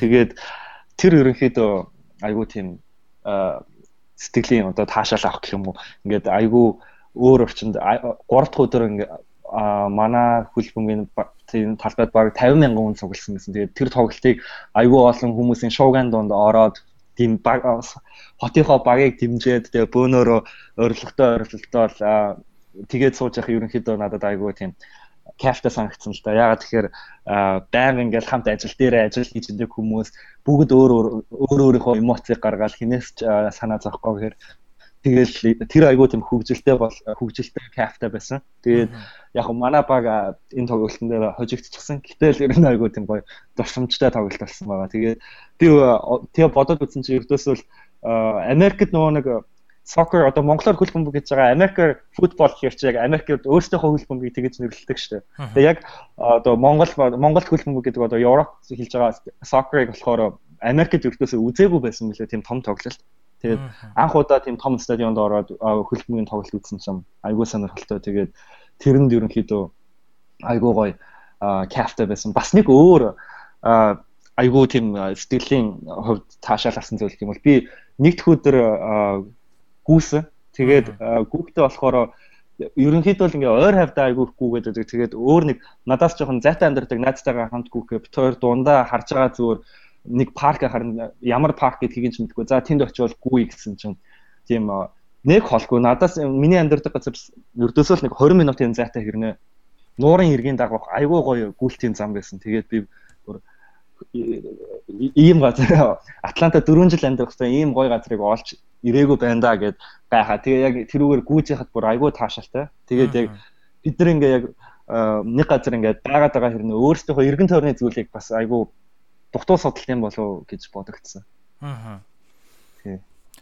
Тий, би бас яг санал хэлчихэд би гадаа гүх айгүй олон айгүйх дуртай. Тэгээд яг ингээд гүйж яхад нөгөө өөр өөр зүйлүүд их хараа түүнээс их хад жаргал авдаг. Тэгээ чиний яг хөл бөмбөгийн тэмцээнд очоод түүнээс их хад жаргал мэдэрсэн гэсэн чинь миний яг улс төрийн нэг хичээл надад бодогдлоо. Тэгээд улс төрийн миний улс төрийн хичээл дээр улс төрийн сэтгэл зүйн хичээл дээр чи ингээд маш олон хүмүүсийн дунд орохоор одоо нөгөө англи хэлний аа гэж өгöd шүү дээ. Awesome аа. Тэгээд яг тэрхүү аавыг ингээ мэдэрдэг. Тэр нь болохоор чи ингээ маш их сэтгэл түгшил, догтлол, сэтгэл хөдлөлт гэх юм уу. Тэгээд маш олон хүмүүсийн дунд ингээ ороод тэдэртэй адилхан яг эмот, яг адилхан эмоцыг илэрхийлээд ингэхээр аа тэр ягаад political science-ийн сэтгэл зүйн хичээл дээр энэнийг их чухал гэж ярьж байна гэхээр хүн тийм мэдрэмжийг авснаар бас яг өөрийнхөө нийгэмд илүү сайн сайхныг бүтээх тийм сэтэл өөрт нь бий болдог юм л дээ. Тэгэхээр магадгүй болдоо маань өөрөө маш сайн сайхныг бүтээхийг хүсдэг хүн учраас өөрөө тэрхүү мэдрэмжийг бас тэгж авсан нь тэрхүү мэдрэмжийг тэгж өөгшүүлж өгсөн болоо гэж надад бодогдлаа чиний яриаг сонсоод. Тийм магадгүй. Тий. За тэгвэл хоёлаа ингээд дөрөвдүгээр асуулт руу орох. За. За дөрөвдүгээр асуулт маань онцлог дадал зуршил ер нь дэг рутин юу байсан бэ энэ 7 хоногийн? Аа ерөнхийдөө түрүү хэлсэнчлэн гүдэг байгаа. Гэхдээ өөр нэг саяхан энэ жилээс дагаж эхэлж байгаа нэг дал зогшил байгаа л да. Ерөнхийдөө 7 хоног болгоны нэг өдөр хийж байгаа. Тэр нь юу вэ гэхээр би ерөнхийдөө 7 хоногт өөрийгөө ажигласан ч одоо монгол хүн болохоор ч юм уу айгүй мах иддэг. Аха. Бүр ердөөсөө л өдрийн хоол, өглөөний хоол айл айланд мах мах махан дундаа ерөнхийдөө үхрээ махгүй л тоо. Тэгэл айгүй хүнд хоол байнга идээд байгаа юм шиг санагдаад ингээд орчин тойрныхоо хүмүүсийг харахаар Америкт ерөнхийдөө ялангуяа сүүлийн үед ч юм уу цагаан хоолтон одоо арай илүү эрүүл хооллолт гихцүүлэн янз бүрийн нэг кампайн болон тийм үзэл бодолтой хүмүүс байдаг штэ. Тэгэнгүүт ингээд яг нөө шинэ он гарахын үед би бодож исэн юм л да. Нөө шинэ жилийн одоо New Year's resolution гэдэг гаргадаг та хүмүүс. Тэгээ яг тухайн үедээ би хид хидийн юм жагсааж бичиж байхдаа за би яг 7 хоногт нэг өдөр бүтэн огт мах идэхгүй гэсэн энэ болохоор ерөнхийдөө бараг л ихэнх хүмүүсийн хувьд бол айгүй энгийн зүйл хэрнээ яг би өөр ингээ бодоод үзсэн чинь бараг л яг өдөр болгон мах иддэг байсан байгаа болохоор за нэг өдрөөр эхлээд үзье тэгээд гэж бодсон. Тэгээ ерөнхийдөө энэ 7 хоногт ч гэсэн яг 3 дахь өдөр бол мах идээгүй байгаа. Тэгээд ер нь л 7 хоног болгоны 3 дахь өдөр яг дундлын өдөр нь мах идэхгүй явж үзэж байгаа. Тэгээд ерөнхийдөө яг 7 хоногийн ганц л өдөр болохоор ч тэр юм уу нэг тэгэж өөртөө ажиглагдсан сүртэй өөрчлөлт гэх юм уу тиймэрхүү зүйл бол харах нь мэдрээгүй байгаа ч гэсэндээ нэг өдөр ч гэсэн ходоодоо амрааж байгаагаараа хэрэгтэй байгаа байх гэж айгу итгээд тэгээд ерөнхийдөө энийг 7 хоног болгон ингээл дагаад яваад байгаа. Явандаа ерөнхийдөө 7 хоногт 2 өдөр ч юм уу гэх маягаар нэмж магадгүй. Аа vegan Wednesday юм биш те. Ер нь. Тийм. Гэтэ ерөөдөөсөө л нэг өдөр мах багасаа л идэж өссөн болохоор одоохондоо бол 7 хоног юм уу бүр болно гэж бол том ам гарч чадахгүй. Гэтэ тийм 7 хоногийн нэг өдөр бол ерөнхийдөө мах идэхгүй ходоодоо амраагаад явъя л гэд бодоол яваад байгаа. Оронд нь ямар хоолнууд идэж байгаа вэ ер нь? Оронд нь ерөнхийдөө дүүпүү эсвэл одоо нэг буурцагны эсвэл зүгээр л салаад авахдаа ямар ч махгүй одоо биеийн буурцаг илүү ихтэй салаад энэ төр идэж байгаа. Тэгээд ерөнхийдөө тофутай хоол дүүпүүтэй хоол идэж байгаа. Аль эсвэл бас өндөг идэж байгаа. Ерөнхийдөө яг vegan vegetarian тал руугаа юм уу өндөгийг бол идэж байгаа. Бяцлаг өндөг. Сүүн бүтээгдэхүүн бол хэрэгжилж байгаа. Бооролт өдөр тий ингээд э, хүмүүс яг хоолтын тэглэмээ өөрчлөөд махчин байхаа ойлоод гэх юм одоо мах идэхэ болохоор одоо өөр ногоон олтон ч юм уу цагаан олтон болохоор нөгөө авах хэвээр амин дэмүүдээ авч чадахгүй штэ гэж их хүмүүс хэлдэг те тэрэн дээр ер нь чиний бодол яг юу вэ одоо яг ямар шүү одоо хоолны одоо юун дээрээ илүү их төвлөрөх ёстой юмсаа гэж чинь ер нь яг чамааг яг бүрэн гэдэг юм уу бүтэн цагаан юм уу ногоон алтан болохоос хамгийн их одоо хоош нь татаад байгаа зүйл нь ер нь юу юм шиг вэ чиний хувьд? За би яг энэ тал дээр бол бүр тэгэж айхтар судлаагүй бас нөгөө талаар 7 хоногт нэг л өдөр махгүй бол идэж байгаа болохоор санаад ч зоог болохоор тэгэж айхтар судлаагүй. Гэтэ миний сонсноор бол ерөнхийдөө олон төрлийн ногоонуудыг хольж идснээрээ бол бүх төрлийн уураг амин дэмээ авах боломжтой гэж зөндөө уншсан. Тэгээд бүтэн яг веган одоо цагаан хоолны дэглэм бариад явдаг хүмүүс ногоон хоолны гэх юм уу дэглэн бариад явдаг хүмүүс байгаа болохоор яг бүх хэрэгцээт амин дэмээ бол авах боломжтой байх гэж бодож байна. Намайг ингээд бүтэн цагаан хоолтон болгохгүй хориглоод байгаа юм нь одоо юу гэдэг муухай ялангуяа цагаан хоолтой хүмүүс муухай сонсогдож магадгүй ч гэсэндээ маханд дуртай махны амтан дуртай болохоор л юм. Одоогоор бол огт татгалцнаа гэж бол ам гарч чадахгүй юм ч юм тийм. And би бас яг адилхан нөхцөл байдалд байдгөө. Тэг яг тэгээ баг. Яасан тэгээд Монголд бүр багасаа бид нар чи өдөр болгон л мах идээд өссөн. Тэгэл махч юм шүү дээ. Харин тий. Гэхдээ зүгээр энэ дээр миний зүгээр бодож явдаг нэг зүйл юу гэхээр Чи одоо ингээд нэг хоног идэхгүй байхад нэг мэдэгдэж байгаа зүйл бол байхгүй гэж штэ тэ. Гисэн хідээж нөгөө цаанаа бол мэдээж яг байгаль ихтэл хідэ нөлөөлж байгаа нөлөөлөл бол удаан хугацааны турш бол хоримтлагцаар байгаа далай тус нэмэр гихчээр маш их зүйлийг чи хой нэмэр оруулж байгаа гэдэгт бол би итгэлтэй. А тийм учраас зөв монголчууд да би нэг ийм урайлга их хилдгийн. Ер нь хэдүүлээ өмнө нь угаасаа л зундаа мах иддэггүй байсан гэдэг штэ монголчууд чи. Тим юм чи ер нь зүгээр зундаа сайхан мах идэхэ болдоо те. Тэгээд ингэснээрээ бас их чиний нөгөө түрүүн дурдсан шиг хүмүүс угаасаа мах идэхэ болоод ирэхээр нэг улирал ч юм уу те маш олон буцаагаад одоо хөдөө аж ахуй ч юм өөр өөр одоо хөгжөө арай хараахан хөгжихгүй байгаа салбарууд ч гэсэн дагаа хөгжих юм бэ лөө тэгэхээр бас зөвөр нэг улирал ч гэсэндээ бас бөөнөрөө мах идэхгүй байх магадгүй зөв шийдэл юм болов гэж би хараад идэв. Чи ер нь тэгэж бодож үзснэг улирлаар нь ч юм уу болиё гэж. Аха. Э ерөнхийдөө одоо 7 хоногийн нэг өдөр идэхгүй байна гэдэг чинь бараг л 2 сар идэхгүй байгаа гэсэн үг шүү дээ. Жилдээ 7 хоног 53 7 хоног байна гэвэл тэгэхээр ерөнхийдөө би за за тэгээд бүтэн улирал тасралтгүй идэхгүй гэвэл бас арай чадахгүй юм шиг санагдаа. Тэгэл за 7 хоногт 2 хон өдөр гэхэд чинь л бараг 4 сар 100 106 хоног байгаа. Тэгэхээр тэр чинь л ерөнхийдөө айгүй том тэгээд бүр ингээд заавал тэгэж ерөнхийдөө 3 сар дараалж идэхгүй гэж өөрт нь хэцүү байвал заавал тэгэж өөрийнхөө бас амьдралынхаа чанарыг муудахгүйгээр 7 хоногт 2 удаа гэхэд л нэг улирлаас их болоо явчихна. Тэгэхээр тэр талаас нь бас хараад үзвэл 7 хоногт 2 гэд нэг нэг удаа ч гэсэндээ айгүй ингээд жилдээ болохоор өдрүүд нь хуримтлагдаад бараг л нэг улирал болчих واخ тийм. Аа. Тэглгүй яах вэ? За маш их баярлалаа. За дараагийн асуулт маань болохоор энэ 7 хоногт чамд хамгийн их нөлөөг хэн мөн хэрхэн үзүүлсэн бэ гэдэг асуулт байгаа. Аа. За энэ дээр болохоор би ерөнхийдөө яг л баг чиний талаар ярьж байна. Чамайг болон өөр хит хит хүмүүсийн талаар тэгээд сонсогч нартай хандаж хэлэхэд цогтоо намайг өөрийг нь яар гэж асуугаагүй шүү. Би өөрөө өөрөө яг ярмаар санагтаад а юу болсон бэ гэхээр надаас чи нөгөө нэг манай подкастэнд зочноор ирээд яриа өгөөч гэдээ асуусан да. Тэгэхэд ерөнхийдөө би чиний подкастны тухай айгүй их сонсоод яваад байсан. Тэгсэн хэрнээ өөрөө болохоор яг контентыг нь сонсч үзээгүй. Яг ийм подкаст байдаг да гэдээ айгүй сонсдог. Тэгээд өөрсний чинь дараа болохоор би шинэхэн сонсогч болоод сонссон байгаа.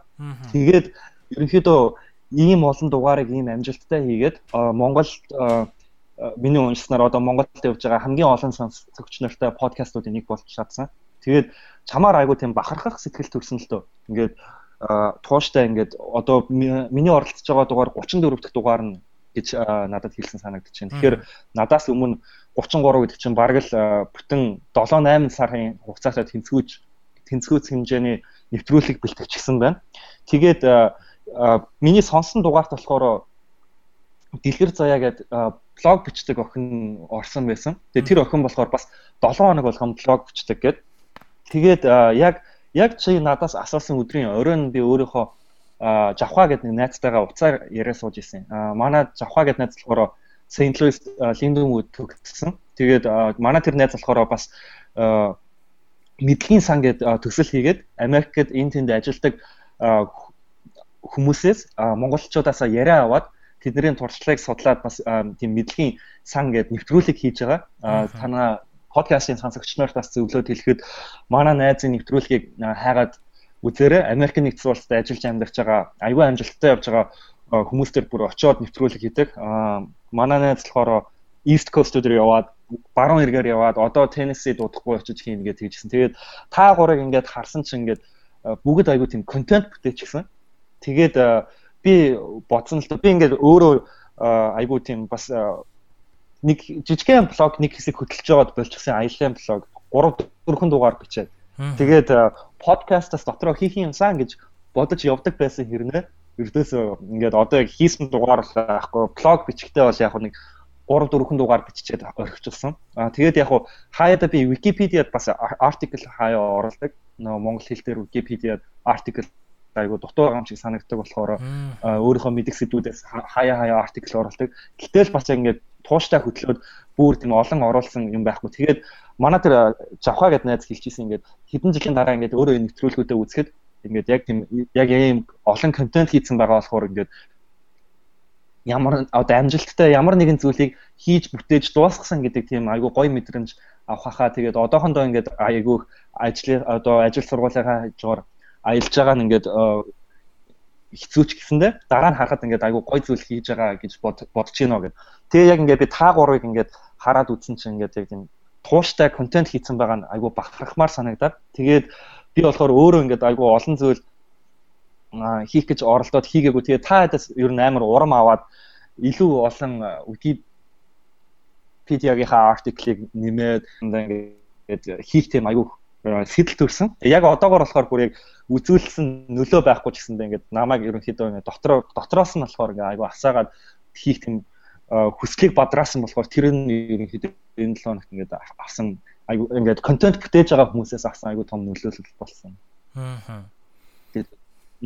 Тэгээд танаа сонсогч нарын өмнөөс ч гэсэн чамд айгу баярлаа гэж л ингээд тууштай нэвтрүүлгээ бэлдээд яваад байгаа. Энэ болохоор тийм ч амар зүйл биш ингээд 7 хоногтой ч юм уу эсвэл за сардаа нэг дугаар байлаа ч гэсэн нэг л дугааршээ гэж бодож байгаа хэрнээ би болохоор дотроо за сардаа 2 Википедиагийн артикл оруулна гэж боддог хэрнээ зарим саруудад ингээд оруулж амжаагүй бүр 3 4 сар юу ч бичээгүй явчихсан байдаг. Тэгээд сатаарах бүр айгүй амархан. Тийм болохоор ингээд сатаарлахгүй хийгээд яваад байгаа та ядаар ингээд айгүй бахархах сэтгэл төрөөд надад бас энийгээ үргэлжлүүлж тэр юмнуудаа хийгээрэй гэж айгүй тийм хүсэл бадрааж нөлөөлсөн байгаа.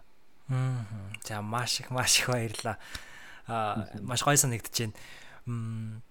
Би энэ дээр яг зөвхөн нэг зүйлийг одоо хэлэхэд юу вэ гэхээр манай подкаст маань болохоор би бас яг чамтай адилхан блог бичдэг байсан аахгүй юу? Тэгээд яг Ями 8 гэдэг ингээд би бас айгүй олон өөрөөр зүйл сонирхоод идэг. Тэг яг нэг сэдвийг ингээд сонгоод бичгээр айгүй төвхтэй санагдаад учраас ер нь тэр 7 хоногоос ингээд нэг 8 зүйл бичдэг бай гээд Ями 8 гэдэг ах блог биччихсэн. Тэг хамгийн анхны яг 9 10 дугаар нь биш 9 дугаар нь блог байж байгаа. Тэгээ 10 дугаар дугаараас авахлаа би подкаст болгож ирсэн нэг тийм түүхтэй. Би тэгээд чиний Википедиагийн юу надад маш сонирхолтой санагдлаа артикл оруулдаг гэд. Би өмнө ерөөсөө Википедиад артикл оруулдаг монгол хүнтэй ярьж үзээгүй. Тэгээ би яг боддог байхгүй ингээд Википедиад ингээд энэ одоо хэн бичдэг болоо гэл ингээд зарим нь амар гоёудыг хараад тэгэж боддог байхгүй.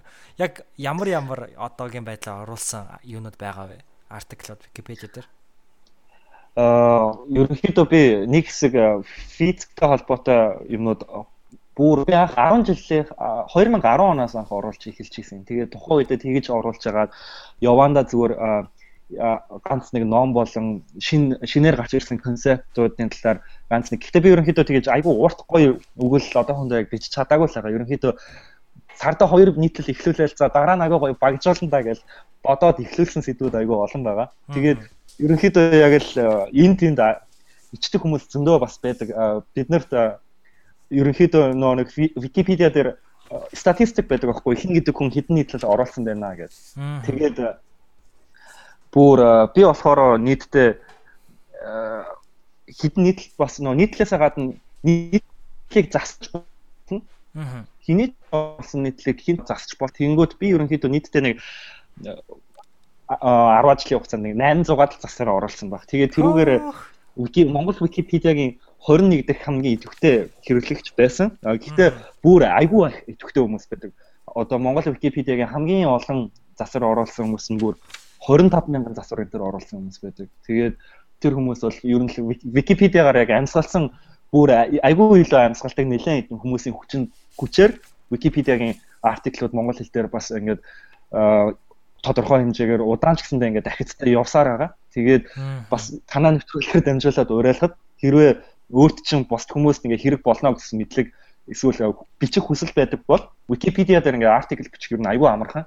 Тэгээ бичээд явбал бас нэлээд олон хүмүүст үр өгөөжтэй гэд болох болохоор Википедиа засвар хийж байгаараа гэж уриалмаар байна. Тэгээд ялангуяа манай Википедиа үе үе халдлагад аягүй өртдөг.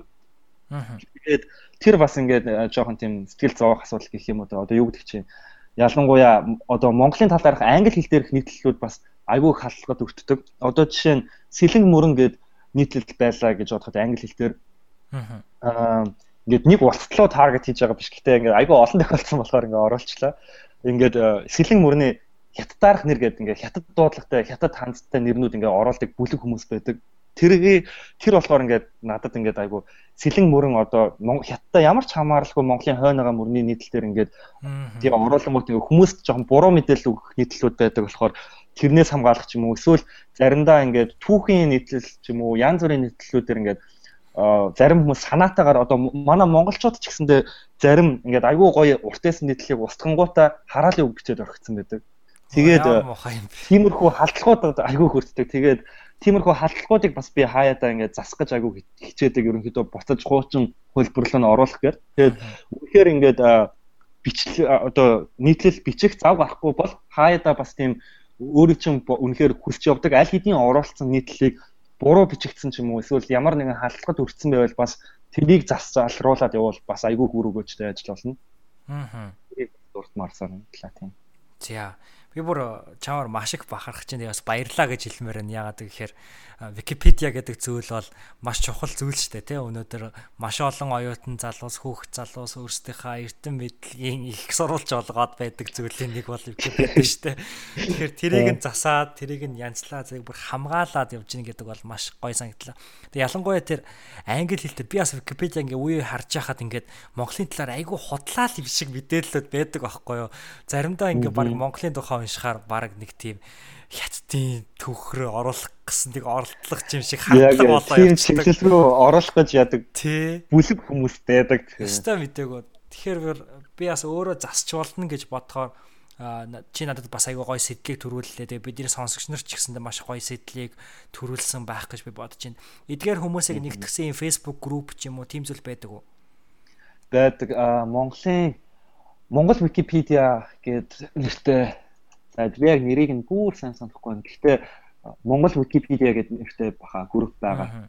Ерөнхийдөө яг монгол хэлээр Википедиа гэж хайх юм бол групп байгаа. Гэхдээ тэр болохоор бүр тэгэж айгүй идэвхтэй үки групп бол биш. Гэхдээ яг хуу тэрэн дээр асуулт асуувал бас тэнд байгаа хүмүүсээс бол хариулт өгнө. Аа. За за маш их баярлалаа. За хоёлаа ингээд дараагийнхаа асуулт руу орох уу?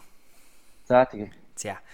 Аа хоёлаа эн чинь болохоор 6 дахь асуулт байгаа. Тэгээ 6 дахь асуулт маань ийм асуулт байдаг. Чи ингээд өөрөө өөрийнхөө нуруунд дээр алгадаад за болдоо чи үүнийг үнэхээр сайн хийлээ шүү гэд ингээд өөртөө хэлмээр тийм амжилт ер нь ойрын өдрүүдэд сүүлийн 7 хоногт юу байсан бэ? Тий. Аа яг энэ 7 хоногт өөртөө ингээд айгүй тийм энгийн зүйл. Аа манай би ингээд саяхан нөө ажиллаараа томилолтоор томилолтоор гэх юм уу ажлын аяллаар Алабама мужид руу яваад ирсэн. Аа тэнд болохоор би болохоор ажлынхаа талаар товч танилцуулах юм бол ингээд Home Depot гэдэг компани энэ болохоор монголоор бол одоо бараг л барилга гэр ахуйн барааны сүлжээ дэлгүүр гэсэн. Тэгээ энийг ажилладаг тэр компани supply chain data гэхээр одоо ерөнхийдөө тээвэрлэлт болон одоо хадгалалт бүх нийлүүлэлтэнд оролцдог датанууд байгаа. Энэ датаны чанарыг одоо чанарын хилцэд ажилладаг supply chain data quality гэдэг. Тэгээ бид нар болохоор тийм Алабамад байдаг distribution center одоо ингээд бүх нийлүүлэгч нараас ирсэн бараа дэлгүүрүүд рүү яадаг тийм дундын дамжлагын том цэг гэдэг. Тэрэн дээр болохоор бидний тийм манай баг багаас ажилтдаг хүмүүс байдаг л да. Тэр хүмүүс болохоор яг хэмжилт хийгээд тэр дата нь зөв байна уу буруу байна уу гэдгийг ингээд биечлэн хэмждэг хүмүүс байгаа. Тэгээд тэрэн дээр бид нэр манай баг болохоор тэр хүмүүсийг хариуцдаг болохоор очоод дадлагжуулаад тэнд ашигладаг тоног төхөөрөмжүүдээ шалгаад тэгээд сүүлийн баг 4 сар бид нэр ажиллах гад болоогүй нэг айгүй том хүнд даацын жим байсан. Аа бараг л 5000 кг хүртэл за нэг 4000 кг хүртэл жинтэй зүйлийг 4 тонн хүртэлх жинтэй зүйлийг хэмжиж чадах тийм том э, үйлдвэрийн нөгөө нэг жин байдаг байхгүй юу? Тэгээ тэр жин ердөөсөө эвдэгчээд ажиллахгүй. Анханасаа аваад бид нэр э, calibrate хийж чадахгүй тэгээд ердөөсөө буруу заагаад болохгүй. Тэгээд бид нэр тэр тэр рүүгээ очтгүй болохоор э, тэр дэлгүүрээ одоо тэр төвийнхөө менежерийг ингээд тэрийг янзлах гад одоо хүмүүсээр оролдуулаад техникүүдээр оролдуулаад үзээч гэгээд бараг л 3 4 сар ятгаад өрдөөсөө тэр хүмүүс нь 6 7 удаа оролцсон. Өрдөөсөө болохгүй байна гэд. Тэгээд бид нар өнөөдөр очиод бас эхлээ манаа нэг хүн үзээ болохгүй. За за энэ өрдөөсөө л эвдэгцэн юм шиг н одоо өрдөөсөө буцаахаас өөр арга алга гэж манаа менежер нөө нэг авсан хүмүүс л яриад буцаах гад тэгээд читэл айгу 4 сар болсон нөө 3 сарын буцаах хугацаанаас дууссан. Тэгээл нилээн яриа болол. Тэгэл би за за би үрдээс яг нэг оролдоод зүгээр л нэг оролдож үзмээр санагдаад. Тэгэл тэр зааврын YouTube дээрээс яг яаж янзлах гэдэг зааврын чихвч хийж байгаа л үзэл бүр ингээл шат тараалан яваал. Тий эхний удаа оролцсон чинь болдоггүй. Тэгээд тэгэхээр нэг имийг нь жоохон өөрчлөөд тэгээд оролцсон чинь болцсон. Тэгээд тэр ерөнхийдөө ингээд айгүй жижиг гэрнэ тийм ингээд амар гой санагцсан ингээд бид нэр ингээ 3 4 сар хүмүүсийг асуугаа болохгүй өөртөө очиод бас болохгүй тэгээ манай менежер за за буцаая гэдэг ердөөсөө айгүй ажиллаад шүү дээ. Ялангуяа тийм нөө том хэмжээний юу болохоор ингээ зүгээр л энгийн бараа буцаадаг шиг амархан буцаахгүй заавал тийм трак дуудчихж ачааны машинаар буцаах хэрэгтэй. Тэгээд одоо боо ажил болох дээ гэж хэлсэн чинь харин би ингээд оролдоод болгоод тэгээд айгүй тийм yes гэх тийм аа тийм сэтэл тийм айгүй гой санагдсан. Хм, стогой түүх байна маш их ажлаас гадна маш их зардал орно шүү дээ тий буцаахад бол мэдээж харин тийм ер нь айгүй нөө нэг буцаахт зардал тэгээд бүх зүйлийг манай менежер ч гэсэн ерөнхийдөө хэлжсэн л та. Ёо ашгүй дээ тэгээд одоо энэ засагдааг бол одоо тэр хүмүүстэй ер нь байрал хэрэлдэх гэж суучлаа гэдэг буцаахгүй юм бол тэгээд тэгэл ерөнхийдөө тэр үгээр тэгэл яг саний чиний хэлсэн шиг ингээд өөрөө өөртөө хай файв юм дээр алгадаад тийм ээ гэж хэлмээр. Home Depot ч өөрөө яг Атлантад суурилсан Жоржиа мужид суурилсан компани тий. Тийм Атлантагаас гаралтай. Атлантад яг төвлөрсөн компани байгаа. Аа. Тэгээ чиний яг энэ хүү түүхийг сонсож байхад надад надад бол бахархах сэтгэл төрж ийн л да чамаар яадаг гэхээр өөрөө яг энэ хөө Home Depot гэдэг энэ компани бол миний мэдхээр Америкта баг хамгийн том яг өөрийнхөө чиглэлийн компани ч тэ. Энэ тэнд л байдаг Америкаар аялахаар. Тэгээд яг энэ хүү Америкийн хамгийн том сүлжээ дэлгүүрийн нэг нэг олох энэ хүү газарт яг монгол хүн ажиллаа тэгээд олон сараа шийдэж чадахгүйсэн тэр асуудлыг очиод шийдцэг гэдэг энэ түүхийн сонсоход надад чамаар баш махархах сэтгэл маш их төрлөө. Тэгээд бүх монголчуудын хаанаас чамдаас юм гайхалтай боловсон хүчин байгаад нь баярлаа гэж бас хэллээ те. Баярлаа гэдэг. Шийдсэн асуудал нь бүр тийм амар нарийн өрөвтэй ш. Зүгээр баг нөө монголчууд хэлэхээр хар ухаанаар ингээд хийгээд хийчдэг л асуудал. Тэгээд тэгээл жоохон нэг юм жоохон өөрчлөлт хийсэн ч болцсон. Тэгээл ерөнхийдөө яг тэгэхэд бодож исэн нөгөө монголчууд айгу тийм хар ухаанаа сайн гэдэг шиг магадгүй ч юм уу гэж шалж бодогдсон. Тий, маш гоё түүх байна. Маш сонирхолтой. Бидэртээ хуваалцсан маш их баярлалаа. За, хоёлаа ингээд дараагийн асуулт руу орох уу? За, тэгээ. За, энэ 7 хоногт сурсан сургамж ер нь ойлгосон ухаарл юу байсан бэ? Аа.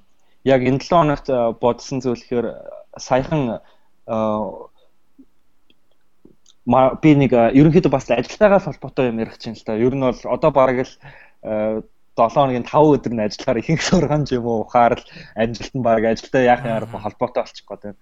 Тэгээд э, яасан бэ гэхээр э, манай яг надтай хамт ажилладаг ахлах шинжээч үү дата одоо senior analyst ахлах шинжээч э, тэр хүний ингээ менежертэйгээ бид гур гуруулаа суугаад хийх ёстой ажлуудынх нь одоо хийж байгаа ажлууд тэр хүний хийж байгаа нэг нэг бүрчлэн яриад орхигдсон зүйл байна уу гэд бид нэр яриад сууж байгаа. Тэр хүний бүр ингээд айгүй цэгцтэй байгаа байдал надад тийм сургамжтай санагдсан.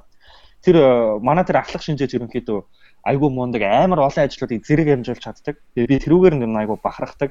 Яаж ингэж их олон ажлуудыг зэрэг амжуулж чаддаг байна гэж боддог. Тэгээд ерөнхийдөө э, тэр тэмдэглэлээ хөтлөж байгаа ажлынхаа явц нь айгүй тийм цэгцтэй байгаа байдлыг нь хараа. За энэ л ерөнхийдөө энэ хүний олон ажлыг зэрэг амжуулж чадж байгаагийнх нь нэг том нууц нь байгаа байх таа гэж бодож байсан. Тэгээд тэрнээс ерөнхийдөө айгүй сургамж авсан л да. Тэгээд манай тэр ахлах шинжээч болохоор тийм ажиллах үедээ айгүй сайн ажилдаг. Амарх үедээ ч гэсэн айгүй сайн амарч чаддаг юм байдаг. Ерөнхийдөө нэг англид үгээдэг шүү дээ. Work hard, play hard гэдэг. Тэр үгийг бүр ингээд тэр үгийн бодит жишээ юм шиг санагдаа. Тэгээ ерөнхийдөө тэр үг надад бас айгүй таалагддаг л та ингээд цагийн ямиг цагт нь хийх ёстой. Ердөөсөө л амралтын өдрөөр амрах ёстой бол ингээд сайхан амарч иж дараа нь ажиллах ирч хүчээ аавна. Тэгээд ажиллаж байгаа бол цаг заваа зарцуулаад ажиллаж байгаа бол work hard Тэгээд ажиллаа хийгээд дууссан бол өөртөө юу юмэр санагдаж чинь яамаар нь play hard. Ингээд ажиллаач амжуулаад амралтаач амжуулаад ердөөсөө цагийн ямаа цагт нь хийгээд ингээд яваад байвал бас нөгөө талаар тэр хүн илүү үр бүтээмжтэй ажиллаад илүү олон ажлуудыг амжуулж чадж байгаа бол хаа гэж боддог. Тэгээд ерөнхийдөө л тэр надад их айгүй сархамжтай санагдсан. Аа. За маш их баярлалаа манай сонсогч нар ч гэсэн маш их нэгийг бодогдуулах хоёрыг хийх тэрхүү сургамжийг хуваалцсан гэж би бодож байна. Тэгээд энэ хүрээд манай Ямин 8 подкастын маань хамгийн сүүлийн асуулт ирж байна. Тэгээ нэг мэдэхэд цаг өнгөрсөн байна. Тэгээ сүүлийн асуулт болохоор зөвхөн содн нь юу гэхээр өмнөх нэвтрүүлгүүдэд ерөөсө дурддаггүй онд ерөөсөө л нэг өөр асуулт байдаг. Тэгээд тэрхүү асуултыг ер нь би өөрөө ч юм уу эсвэл сонсогч нарын зүгээс хэлгээд юм ба. Би тэгээд энэхүү асуултыг чамд ямар асуулт бэлдсэн бэ гэхээр яг нэвтрүүлгийнхаа ихэнд дурдсантай адилхан яг одоо сургуулаа төгсөөд одоо миний хувьд яг одоо чамтай ярилцж байгаа энэ 7 хоногийн ям гарагт яг сургуулаа төгсөөд алах нь. Санднаас би чинь яг сургуулаа төгсчөөд ингээд ахуулсан нэг зургийг баштад санд штэ фэйсбુક дээрээс чи яг нэг гүүж байгаа. Нэг сургуулийнхаа нийлээ алдартай байшингийн урд гүүж байгаа. Тэгээд тэг яг тэрхүү гайхалтай мөчийг бидрээд үзсэн те төгсөөд үзсэн одоо ажиллаад Америк хамгийн том дэлгүүрт сүлжээ дэлгүүрт ажиллаад дата аналист хийгээ явж байгаа. Тэгээд би бас чиний мөрдсөн гэдэг жийсэн. Georgia Tech онлайнаар мастер хамгаалж байгаа гэдэг жийсэн. Тийм үү те? Тийм. Аа. Тэрийг дуусгацсан арай дуусгааг байгаа юу? Дуусгааг байгаа. Ахаа. Тэгэхээр яг энэ олон зүйлүүдийг ингээд сургуулаа төгсчөөд амжуулаад явж байгаа чамаар маш их бахарх чи. Тэгээ зөв эцэст нь нэлээд одоо том гэдэг юм уу ерөнхий задгаа асуулт гэх юм уу open question. За. А ер нь яг сургуулаа төгсөж байгаа надад хийгээд сургуулаа төгсөж байгаа маш олон залуучуудад юу гэж захих вэ? Өөрийнхөө дуршлаг дээрээ дөрөөлөө захихад. Аа. За ерөнхийдөө би сургуулаа төгсөөд одоо жил хагас болж байгаа болохоор бүр тийм айгүй хүнтэй зөвлөгөө бол өгч чадахгүй баг. Гэхдээ намайг төгсчих үед болохоор бас яг л нэг хүний ярианаас сонсч ирсэн юм л да ингээд хүмүүс ажиллаа хагаад ингээд айгүй стресстэй ямар ажилд орох уу юу хийх үү гээл зарим нь одоо сурсан мэрэгчлэрээ ажилмааргүй юм шиг санагдаад тэгээ тэгэхэд тэр хүн хэлжсэн л та ингээд хүүхдүүд бүр айгүй стресстэй ингээл ердөөсө сургуулаа төгсөөл эхний ажлаа сонгоход бол амьдралынхаа үлдсэн 60 жилийн амьдралыг сонгож байгаа юм шиг хараал шаналал тэгээ яваад байдаг. Гэтэ яг үнэндээ бол чи нэг одоо хийх гэж байгаа ажил чинь ирээдүйн чинь нэг 1 2 жилийг л тодорхойлно. Үнэхээр болохгүй бол чи 2 жилийн дараа солилцсон ч болно. Тэгээд заавал тэгэж айгүй их стресстэй байх юмгүй ердөөсө санаа зовхгүй 50 сонг тэгвэл чи илүү тийм сайн шийдэлт хүрч чадна гэж хэлж байсан л да. Тэр ерөнхийдөө айгүй үнэ юм шиг санагдсан. Ягаад тэгэхээр тухайн үед төгсөөл яг уу төгсгийн өмнөх үед л ажил хайлт энэ төр бүх зүйл бараг жилийн өмнөөс эхэлчихсэн байгаа л та. Гэтэ тэгэл сүүлийн жилд чинь нэг л өөрөө өөрийгөө хийдимийн стресстүүлээд яваад байгаа юм шиг санагдаад тэгээд тэр нь ерөнхийдөө тийм хэрэгтэй юм шиг санагдсан. Аа тэгээд сургуулаа арай төгсөөгүй оюутан байгаа хүмүүст хандаж хэлэх зөвлөхөө гэх юм бол ердөөсөө оюутан байхдаа бид нэр ингээд айгүй тийм манай найз нэг удаа яг тийм илтгэлээр би нөө Америк дахь Монгол оюутны холбоонд өдөр дах зөвлөлтөнд ажиллаж исэн гэж чи дурдсан. Тэр үед болохоор бид нэр тийм жилийн уулзалт зохион байгуулдаг ерөнхий чухал уулзалт гэдэг. Тэр уулзалт дээр манай нэг тухайн үедээ төгсчихсэн байсан. Доктороор одоо сурдаг манай Илж Жаргал гэдэг найз хэлж исэн юм л да. Юу оюутан байх үед чинь ингээд өрдөөсөл тийм олон сурах хүсэл эрмэлзэлтэй одоо тийм хүмүүсээр чи хүрээлүүлсэн байгаа ганц үе чинь тэр үеигээ ингээд хийж болох бүх юмаа хийгээд одоо тэр үед чинь байгаа бүх юм дахиж олдохгүй. Тэгээд тэр үедээ л ингээд хийж болох бүх юмаа сайн хийгээрээ энийг өрдөөсөө ингээд байнга л байж байгаа юм шиг битгий бодоорой. Оюутан байх үед үед чинь л байдаг дараа нь олддоггүй зөндөө олон боломжууд байдаг. Тэрийг сайн ашиглаарай. Ямар боломжууд байдаг вэ гэхээр чамайг өөр хизээж дахиж ингэж сур гэж ийм гоё орчноор хангах орчин байхгүй хамтдаа сурыг гэсэн хүсэл эрмэлзэлтэй тийм олон залуусуудаар дахиж хүрээлэгдэх орчин ер нь чамд хурхан олтно. Тэгэхээр эдгээр зүйлсийг байгаа дээр нь ингээд талархаж хүлээж аваад тэрийг илүү сайн ашиглаарай гэж хэлжсэн. Тэр нь надад айгүй сэтгэл хөдлөсөн л да. Одоо ингээд бодоод үзэхэд хичнээн бэ ингээд онлайн мастераар сурж байгаа ч гэсэндээ яг одоо оюутныхаа одоо кампус дээр очтгүй болохоор юу гэдэг ядчил кампус дээр чинь номын сан, фитнес гэл ямар олон биднийг зөвхөн сурхаас бос бүх юм чинь хангаад өгье гэсэн орчин байгаа шүү дээ.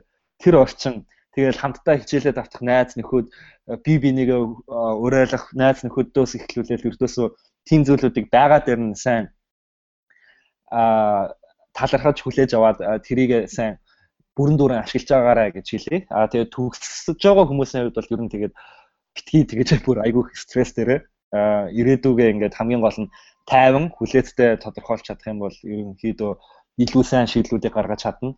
Тэгээд ажил тэгэл бүгд нь одоо төгсөж байгаа чамд баяр хүргэе. Бүх бос төгсөж байгаа хүүхдүүдэд баяр хүргэе. Яг одоо 5 сарчин бол ер нь Монголд ч Америкт ч төгсөлтийн үе байгаа. Тэгээ бүгд нь бас амжилт хүсье. За маш их баярлалаа. Маш гоё хариулт байна. Би тэгээд энийг бас асуухгүй байж болохгүй юм шиг санагдаад байна л да. Манай подкастыг нэлээд олон сонсогч нар бас 10 жилийн хүүхдүүд байдаг. Би тэгээд яг 10 жилийн хүүхдүүдэд төлөөлөөд нэг маш нарийн асуултыг асуухыг хүсэж байна. Тэр нь юу гэхээр над руу энэ мессежээр ирсэн юм аа. Энэ хүү мессежийг илгээсэн хүн маань өөрөө энэ хүү 10 жилийн сурагч маань өөрөө хөдөө нутагт амьдардаг. Аа дэлхийн шилдэг сургуульд ялангуяа Америкт ирж суралцах маш их сонирхолтой. А гэхдээ санхүүгийн боломж тэтгэр зүйлс нь хэцүү байгаа гэдгээр дурдсан байсан. Аа тэгээд яг энэ дээрээ зөвлөгөө авахыг хүсэж ирсэн. Би хараахан хариу бичих гэж амжаагүй байгаа. Яг юу гэж хариу бичгээд сайн бас хэлж мэдэхгүй байна. Аа тэгээ би энэ дээр бас чамаас тусламж аваад ер нь яг адилхан нөхцөл байдалтайгаа тийм ээ дэлхийн том сургуульд ороод суралцах ийм сонирхолтой байгаа 10 жилийн хүүхдүүдэд төгсөж байгаа энэ төр хүүхдүүдэд ер нь захих захаас юу вэ? Өөрөө яг энэ хүү том сургуульд сураад төгсөөд ажиллаад амьдарч байгаа хүний хувьд.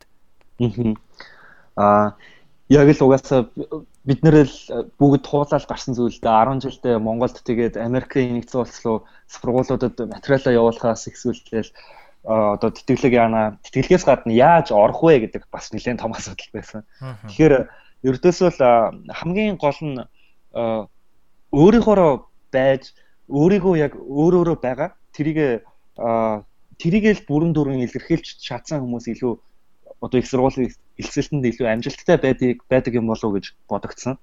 Юу гэдэг чинь одоо ялангуяа хүн болгонд ингээд айгүй тийм гоё материал түүх байгаа. Тэрийг илүү их гоё гаргаж өгөх хэрэгтэй. Заримдаа болохоор бид нэр ердөөсөө ингээд нэг хэв маягаар өөрсдөө илэрхийлэх гээд байдаг. Гэх юм уу ингээд бусдад сайн гэж харагдах хэв маягаар илэрхийлэх гээд байдаг. А гэхдээ тэр хэв маягаас илүү ингээд хамгийн зөв хариулт бол одоо үнэн хариулт гэдэг штэ. Тэрнтэй адилхан ингээд өөрийгөө яг үнэн зөвөөр нь илэрхийлж чадах юм бол бүх түүхүүд айгүй гайхамшигтай хөдөө байгаа байглаа чи яаж хайрладаг? Одоо хүн байгалийн уялдаа холбоо ямар байдаг? Чи тэнд ердөөсөө л өөрийнхөө байгаа нөхцөл байдалтай ямар асуудал байна гэж харж байна.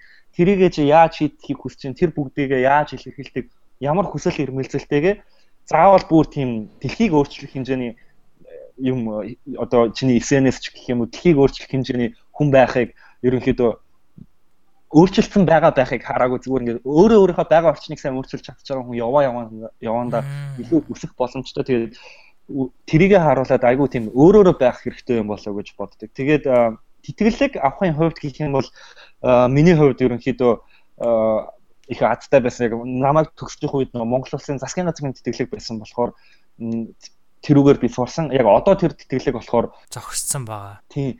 Өөр үнэхээр чи англи хэлээ нэгдүгээр сайн сурах хэрэгтэй. Яг тэгэхээр мэдээж энэ улсад ирээд хичээл хийж өөрийгөө илэрхийлэхийн тулд англи хэлээ сайн сурсан байх хэрэгтэй. Тэгээд өөрийгөө чи англиар үнэхээр сайн илэрхийлээд өөрийгөө яагаад тэр ямар хүсэл эрмэлзэлтэй ямар хувь хүн одоо юник цор ганц хувь хүн гэдгээ чинээсээ харуулж чадах юм бол ерөнхийдөө тэтгэлэг өгдөг зөндөө сургуулиуд байдаг.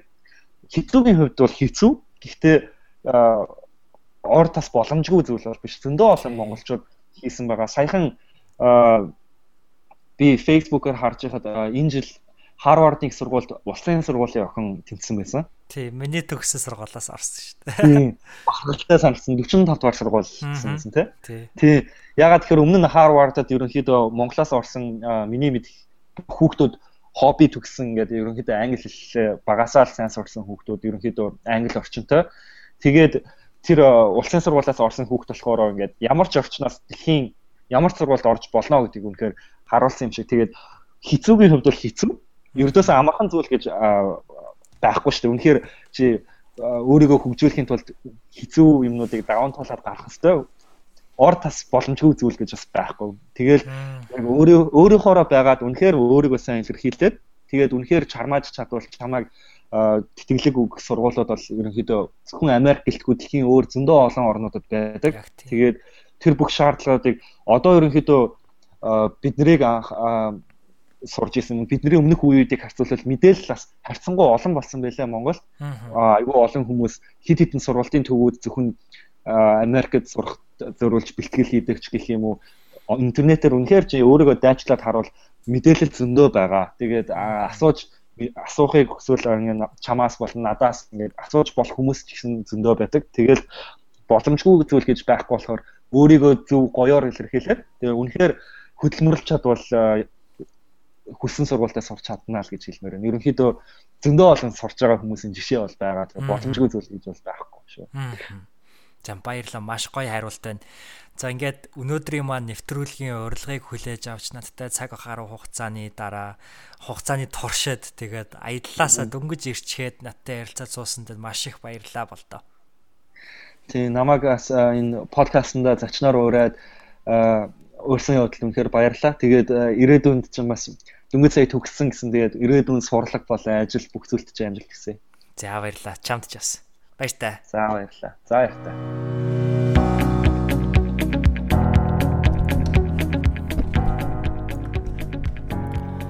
За энэ хүрээд манай Нэмэнэ подкастын маань 34 дугаар дугаар өндөрлөж байна. Болттой ярилцсан энэхүү ярилцлага маань танд маш их таалагдсан гэдэгт итгэлтэй байна.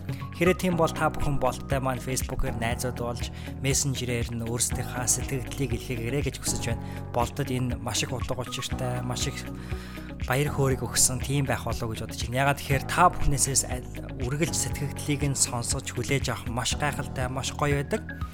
Тэгээ болттой ярилцаа дууссаны дараа хэд хоног би өөрийгөө ажиглаж байхад амьдралд байдаг жижиг сажиг зүйлсүүдэд маш ихээр талархахыг талархаж байсан.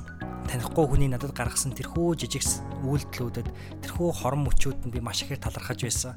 Түүнтэй адилхан тэрхүү сэтлүүд таны амьдрал бий болох болов уу гэж би бас итгэж байна. За тэгээ энэ хүү Нямын 8 подкастын маань 34 дугаар дугаартай хамтдаа байсан. Ер нь бүгэлж бидэнтэй хамт байдаг. Маш их баярлалаа. Хэрвээ та сонсож амжаагүй байгаа бол Сэхэтэн Монгол подкастыг хүрээ бэлтгэн хүргэж байгаа. Өөрөөр хэлбэл хувирган хүргэж байгаа 50-тай хав номын хилцүүлгийн сүүлийн 5 дугаарыг сонсож амжаагүй байгаа бол та бүхэн аудио хэлбэрээр мөн сонсох боломжтой байгаа. Ийм учраас тэрхүү подкастуудыг бас сонсож 50-над манаас сэтгэлээ үлдээгээрэй гэж хүсэж байна. За тэгээд өнөөдөр энд Бямгараг, Маргааш Нямгараг би ингээд төгсөлтийнхаа баярт бэлэн болохоор явлаа гэж. За тэгээд та бүхэн энэ хөөдрийг гайхалтай өнгөрүүлж, эх 7 хоногоо гайхалтай өнгөрүүлж, илүү мундаг, илүү шилдэг, илүү өөрийгөө ойлгодог, өөртөө итгэдэг тим нэгэн болохын төлөө хамтдаа зүтгэцгээе.